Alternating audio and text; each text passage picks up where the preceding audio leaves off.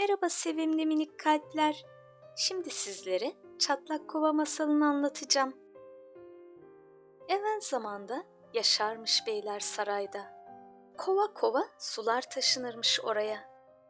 İyi kalpli Saka'nın biri kovasının eksiğini öyle bir güzelliğe dönüştürdü ki bunu nasıl yaptı siz de merak ettiniz mi? O zaman dinleyelim masalı, öğrenelim Saka'nın başarısının sırrını.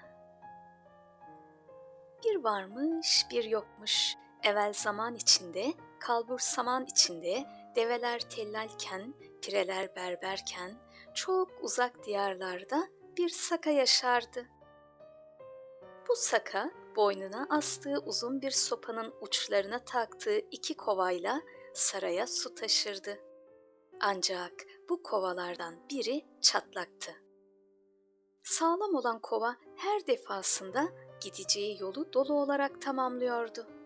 Ancak çatlak kova içine konan suyun sadece yarısını gideceği yere ulaştırabiliyordu. Bu durum iki yıl boyunca her gün böyle devam etti. Saka her seferinde saraya sadece bir buçuk kova su götürebildi. Sağlam kova başarısıyla gurur duyuyordu. Zavallı çatlak kova ise görevinin sadece yarısını yerine getirebiliyor olmaktan çok utanıyordu. İki yılın sonunda bir gün çatlak kova seslendi ırmağın kıyısında duran Saka'ya. Kendimden utanıyorum ve senden özür dilemek istiyorum. Saka, neden utanç duyuyorsun? dedi. Kova cevap verdi. Çünkü iki yıldır çatlığımdan su sızdığı için taşıma görevimin sadece yarısını yerine getirebiliyorum. Senin bu kadar çalışmana rağmen emeklerinin tam olarak karşılığını alamadığını düşünüyorum. Saka, saraya dönerken yolun kıyısındaki çiçeklere iyice bakmanı istiyorum, diye cevapladı. Çatlak kova Saka'nın ne demek istediğini anlamadı. Yine de eve dönerken yolun kıyısındaki çiçekleri izlemeye başladı. Bu çiçekler o kadar güzellerdi ki rengarenk renkleriyle ve mis gibi kokularıyla yolun kıyısını adeta süslemişlerdi. Fakat çatlak kova yolun sonunda yine suyunun yarısını kaybetti ve kendini çok kötü hissetti. Saka'dan tekrar özür diledi. Saka ise kovaya şöyle cevap verdi.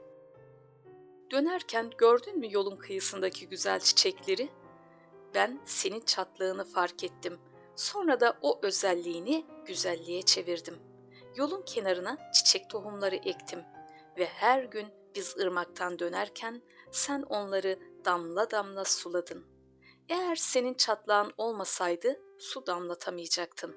O zaman da bu güzel çiçekler susuz kaldıkları için büyüyemeyeceklerdi. Senin sayende buradan geçen herkes doyasıya yaşıyor bütün bu güzellikleri. Senin bu kusurun olmasaydı bu güzel çiçekler de olmayacaktı. Çatlak kova kendisinde eksiklik olarak gördüğü özelliğin aslında ne büyük güzelliklere aracılık ettiğini öğrendiğinde çok mutlu oldu. Her gününe neşe doldu. Aslında hepimizin kendimize has kusurları vardır. Kusurlarınızdan korkmayın. Kusurlarınızda gerçek gücünüzün bulunduğunu bilirseniz siz de birçok güzelliklere sahip olabilirsiniz. Tekrar görüşmek üzere sevimli minik kalpler. Hoşçakalın.